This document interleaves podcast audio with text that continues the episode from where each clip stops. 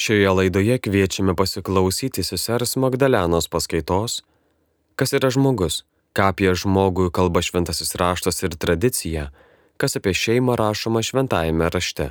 Įrašas iš šeimų festivalio su Šventojo Jono šeima Aš esu nuostabus. Brolio Pauliaus pagalba žmogų nagrinėjome pasitelkę filosofiją arba kitaip savo žmogišką į protą. Šiandien pradėsime kalbėti apie žmogų teologiškai, panagrinėti tai, kas apie žmogų yra apreikšta. Tai yra, kaip apie tai kalba Biblija bažnyčios tradicijoje. O kadangi esame šeimų festivalyje, norėčiau labiau pasigilinti į Dievo apreiškimą apie šeimą. Evangelistas Matas aprašo jau gerai mums žinomą istoriją. Fariziejai ateina pas Jėzų su klausimu norėdami jį išbandyti. Šis klausimas lygiai toks pat aktualus ir šiandien. Ar galima vyrui dėl kokios nors priežasties atleisti savo žmoną? Fariziejai Jėzui pasiūlo diskusiją, bet Jėzus į diskusiją nesileidžia. Jis iškart kviečia atsigręžti į esmę, arba Jėzus žodžiais tariant, grįžti į pradžią. Jonas Paulius II teigia, kad Jėzus taip pat atsakytų ir kiekvienam iš mūsų, jeigu jo klaustume, ar man skirtis, ar galėčiau pasikeisti lytį, kodėl reikia apskritai tuoktis, kaip suprasti neištikimybę. Jėzus sakytų, argi neskaitėte, jog kūrėjas iš pradžių sukūrė žmonės kaip vyrą ir moterį ir pasakė, todėl vyras paliks tėvą ir motiną ir glausis prie žmonos ir du taps vienu kūnu. Taigi jie jau nebe du, o vienas kūnas. Kad tad Dievas sujungė, žmogus te neperskiria. Tada jie klausė, o kodėl Mozė liepė duoti skyrybų raštą atleidžiant žmoną? Jis atsakė, Mozė leido jums atleisti savo žmonas dėl jūsų širdies kietumo. Bet pradžioje taip nebuvo. Kristus kviečiami ir perskaitykime du žmogaus sukūrimo pasakojimus iš pradžios knygos antrojo skyriaus. Šiuose pasakojimuose mes rasime įspūdingą teiginį, kad žmogus vienintelis kūrinys žemėje, kurio Dievas norėjo dėl jo paties, gali visiškai atrasti save, tik nuoširdžiai save atiduodamas. Citata iš Gaudium et Spes 24 paragrafų. Kitaip sakant, kad mes esame pašaukti būti nuostabę dovaną. Tai yra paskaitos tema ir pagrindinė mintis. Kaip žinome, Biblijos pirmuosiuose puslapiuose yra du pasaulio sukūrimo pasakojimai.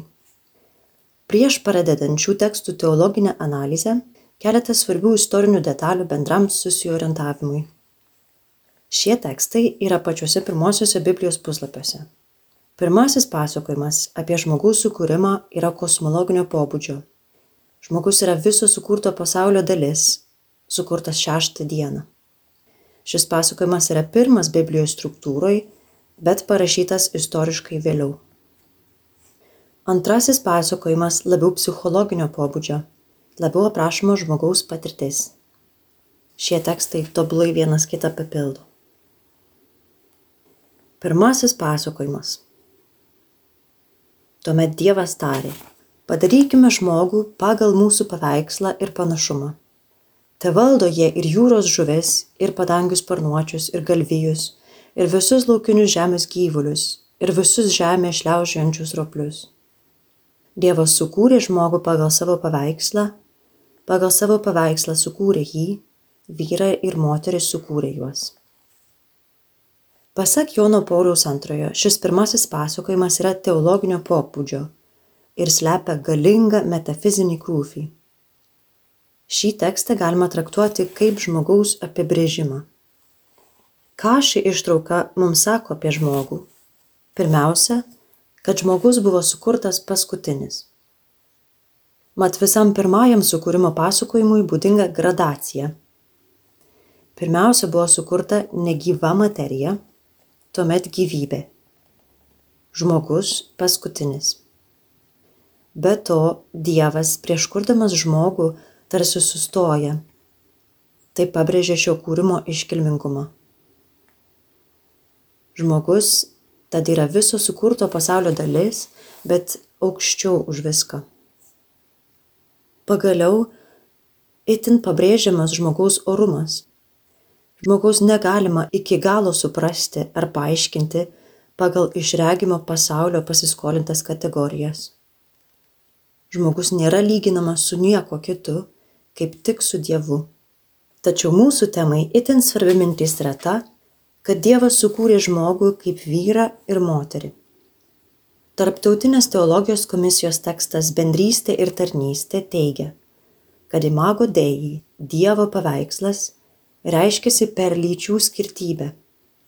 Tai toli gražu nėra atsitiktinis ar antrinis aspektas, bet esminis asmens tapatybės elementas. Kiekvienam iš mūsų būdingas tam tikras buvimo pasaulyje, matymo, mąstymo, jautimo, abipusių ryšių su kitais asmenimis būdas. Pavyzdžiui, aukšti žmonės mato pasaulį kitaip nei žemi. Pasak katalikų bažnyčios katekizmo, lytiškumas veikia visą kūnų ir dvasia vieningą žmogų.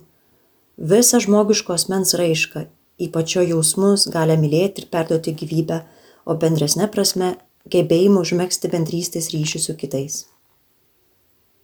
Mes žinome iš biologijos, kad kiekviena mūsų kūno lastelė išskyrus tas, kurios neturi brandolio, yra moteriškos arba vyriškos lyties. Taip pat moteriška širdies aritmija skiriasi nuo vyrų širdies aritmijos ir taip toliau. Taigi vaidmenys, tęsia toliau tekstas, priskiriami vienai ar kitai lyčiai, laiko ir vietos atžvilgių gali įvairuoti. Tačiau lytinės mens tapatybė nėra kultūrinis ar socialinis konstruktas, ji yra savitas būdas būti imago dėjai. Antrasis sukūrimo pasakojimas išplėtoja ir paaiškina šią mintį. Antrasis pasakojimas labai skiriasi savo formą. Jis yra labiau psichologinio stiliaus. Jis yra vienas iš seniausių aprašymų apie tai, kaip žmogus supranta pats save. Jonas Paulius II teigia, kad šis tekstas mums perdoda tris pirmapradės žmogaus patirtis. Pirmapradė vienatvę, pirmapradė bendrystę ir pirmapradį nuogumą. Pakalbėkime apie pirmapradę vienatvę. Sukūręs žmogų iš žemės ir jam įkvėpęs gyvybės alsavimą, Dievas pasodina žmogų į sodą. Dievas supranta, kad žmogui negera būti vienam ir nusprendžia padaryti tinkamą žmogui pagalbininką. Hebrajiškai ezer, lietuviškai bendrininką. Tačiau jis neiškart sukuria moterį. Pirmiausiai Dievas sukuria padangių paukščius ir žemės gyvūnus ir atveda juos, kad žmogus juos pavadintų. Pasak Jono Pauliaus antrojo, žmogus turi tarsi atlikti testą ar egzaminą Dievo akivaizdoje. Nuo pat pirmosios savo egzistencijos akimirkos sukurtas žmogus, būdamas Dievo akivaizdoje, ieško to, kas jis yra, ieško savo tapatybės. Žmogus susitinka su daugybė gyvūnų, ir dar Dievo akivaizdoje, bet vis tiek patiria pirmapradę vienatvę. Jis supranta, įsisamonina, kad yra sukurtas bendrystėj ir kad šios bendrystės negali gyventinti. Turėdamas savyje dievišką alsavimą, jis negali turėti trokštamos bendrystės su gyvūnais. Drauge, padarytas iš žemės, jis negeba vienas įžengti į bendrystę su Dievu nors būtent jai jis ir yra sukurtas. Jonas Paulius II pabrėžia, kad žmogus atranda tiesą apie save būtent per savo kūną. Ką kūnas sako? Pirmiausia, per kūną žmogus yra pasaulio dalis. Pasaulio, kurio kiekvienas kūrinys yra paženklintas dovanojimu. Iš tiesų, kūrimo aktas yra pašaukimas egzistuoti iš nieko tačiau jis taip pat reiškia dovanojimą, nes kyla iš meilės. Dievui nereikėjo nieko sukurti. Jis tai darė iš troškimo būti santykė su žmogumi iš meilės. Žmogaus kūnas tad primena žmogui, kad jis, kaip ir visas pasaulis, yra sukurtas dovanai. Bet tas tikrasis dovanojimas gali gauti tikrąją prasme tik žmogaus akise. Tik žmogus turi sąmonę ir gali išvelgti, kad tai, ką daro Dievas, yra dovana. Žmogus atranda, kad jis yra norimas dėl jo paties. Pagaliau, žmogus per vienatvę ir savo lytiškumą supranta, kad jis taip pat pats pašauktas būti dovana. Iš tiesų, pačiame kūne įrašyta tai, kad žmogus sukurtas duoti. Kūnas išreiškia moteriškumą vyriškumui ir atvirkščiai vyriškumą moteriškumui. Jonas Paulius II vienoje iš savo katekezių teigia, žmogaus kūnas su savo lytimi yra ne tik vaisingumo ir prokreacijos šaltinis, kaip yra visoje gamtinėje tvarkoje, bet iš pradžių turi vedybinę savybę, tai yra gebėjimą išreikšti meilę.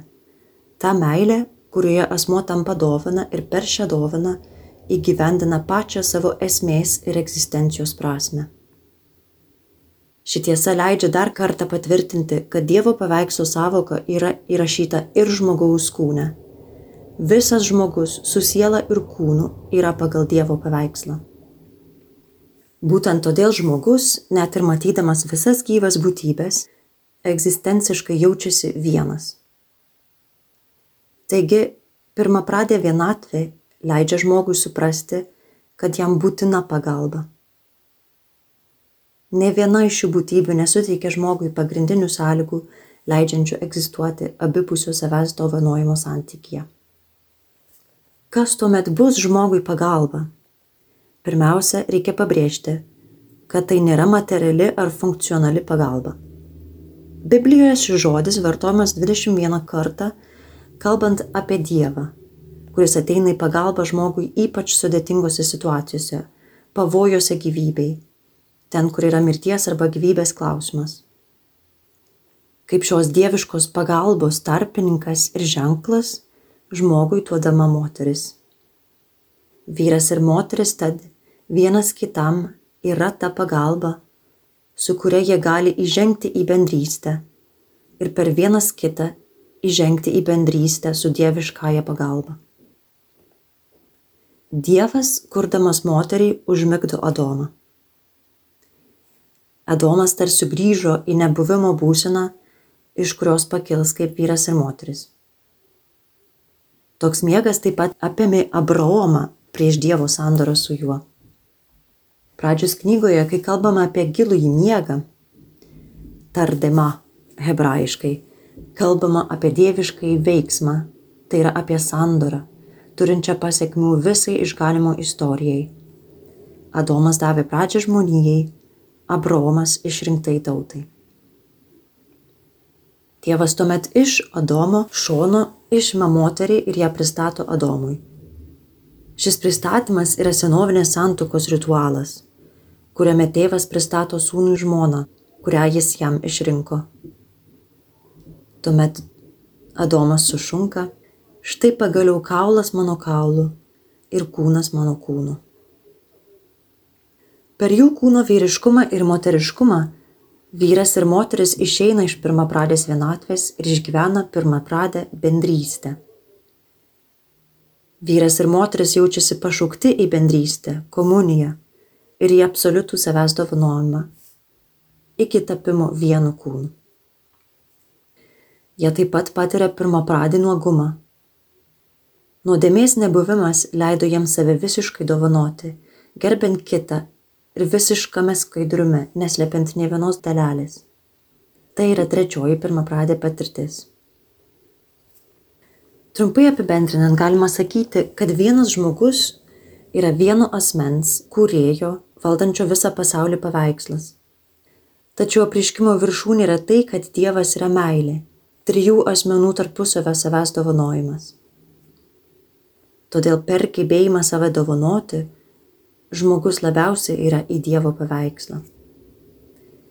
Dievas trejybė yra meilės bendrystė, o šeima jo gyvas atspindys, rašo popiežius Pranciškus.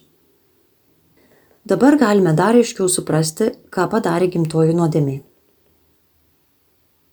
Jonas Paulius II teigia, kad žmogaus kūnas su savo vyriškumu ir moteriškumu beveik prarado gebėjimą išreikšti tą meilę, kuria žmogaus asmuo tampa dovana pagal giliausią savo asmeninės egzistencijos struktūrą ir tikslą. Bet jis prideda, privaloma sakyti beveik, nes tas dovanos matmo nėra visiškai prarastas. Jis vis dar persmelkia ir formuoja žmogaus širdyje gimstančią meilę. Su gimtaja nuodėmė vyru ir moters santykis, kuris buvo pašauktas į bendrystę, tapo mūšių lauku. Konkrečiau, žmogus nebesugeba aiškiai matyti Dievo kaip visą dovanojančio kūrėjo. Jis mato Dievą pavydų savo privilegijų. Dėl pirmosios nuodėmės žmogus širdyje abejojama dovana. Žmogus pasislepia, jis nebesijaučia pajėgus matyti save kaip Dievo atvaizdą. Matyti save pašaukta būti kartu su moterimi, dieviškųjų asmenų bendrystės atvaizdu. Žmogus praranda ir pirminį tikrumą dėl savo kūnio išreikšto Dievo atvaizdo. Dovanojimo santykis virsta pasisavinimo santykiu. Vietoj savęs dovanojimą dabar turime geidžiantį žvilgsnį, gundantį žvilgsnį. Ta, kuris bando paimti ten, kur turėtų būti absoliuti pagarba dovanos laisviai. Tai taip subtilu, kad galima svetimauti ir su savo paties žmona. Reikia pridėti, kad mes linkę kaltinti savo kūną, užuot pažvelgia į problemišką savo širdies būklę. Nuodėmės padariniais serga žmogaus širdis, o ne kūnas. Netyrumas yra ne kūno nuodėmė, bet nuodėmė prieš kūną. Čia tinka vienas žydų anegdotas. Mokinys klausė rabino, mokytojau, aš turiu norą gyventi amžinai, ką man daryti? Ženikis. Ir ką, gyvensiu amžinai? Ne, tiesiog noras praeis. Šis anegdotas su žydais leidžia mums grįžti prie Mato Evangelijos 19 skyriaus, kur Jėzus diskutuoja su žydais. Prieš fariziejus Jėzus prisistato kaip tas, kuris atėjo išgydyti nuodėmę sužysto širdies. Širdies, kuri nesugeba gyventi vyro ir moters bendrystę norėtą kūrimo pradžioje. Senajame testamente nuodėmė nurodoma kaip širdies užkėtėjimas kuris atskiria žmogų nuo Dievo. Todėl pranašautas Mesijas buvo tas, kuris turėtų duoti naują širdį. Ne akmeninę, o kūninę širdį, kad žmogus gebėtų laikytis įstatymų pagal Ezekielio knygos 36 skyrių. Moze palengvino įstatymą būtent dėl šio širdies kietumų ir leido skirybas. Bet Kristus yra Mesijas, kuris prisėmė mūsų kūną, išgydė mūsų širdį ir netgi davė žmonijai savo širdį, kad galėtume mylėti taip, kaip jis mylėjo, kaip rašoma Jono Evangelijoje, ir išgyventume bendrystę, kuriai buvome sukurti. Tėvas Maurice Gilbert studijoje apie vieną kūną pagrindžia šią mintį.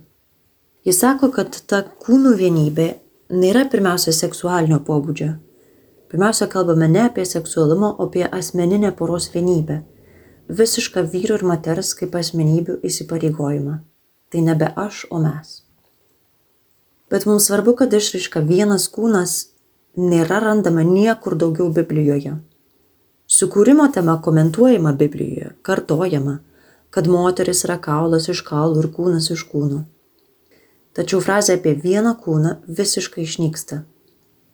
Reikia sulaukti Kristaus, išgirsti ją iš jo paties lūpų jam aiškinant santokos sakramento prasme. Kristus gali apie ją vėl kalbėti, nes jis ateina ne tik atkurti, bet ir perkeisti savo meilę pirminį planą šeimos pašaukimui.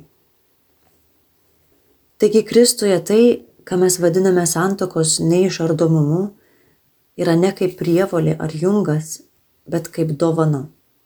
Galimybė suteikiama dėl atpirkimo malonės. Kitaip sakant, Jėzus pristato santoką ne kaip neįmanomą idealą, bet kaip galimybę, širdies išgydymo kelią. Tik dėl to, kad pirmiausia egzistuoja naujos širdies dovana, atsiranda atsakomybė. Tai, kad Dievas sujungia, žmogus ten neišskiria. Reikėtų dar pastebėti, kokiame kontekste Jėzus sako šiuos žodžius. Iš tiesų, istorikas John Mayer įsitikinęs, kad Jėzus tikrai pats pasakė šios žodžius, nes jie taip neįtikėtinai priešinosi visai žydiškai sampratai ir tradicijai, kad nebūtų įmanoma sugalvoti. Tai labai drasus, radikalus pasisakymas.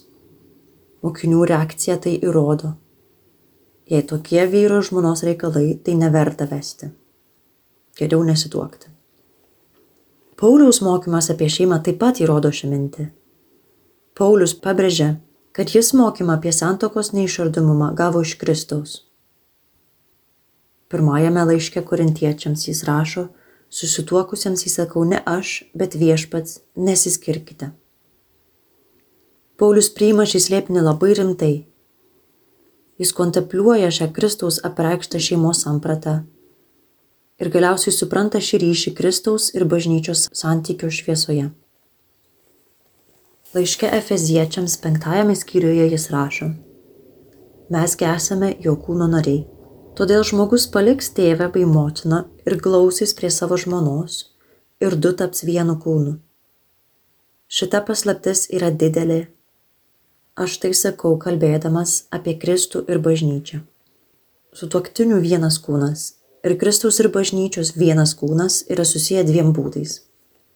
Iš vienos pusės vyro ir moters vienas kūnas yra ženklas, kuris skelbia ir daro matomu Kristaus ir bažnyčios ryšį.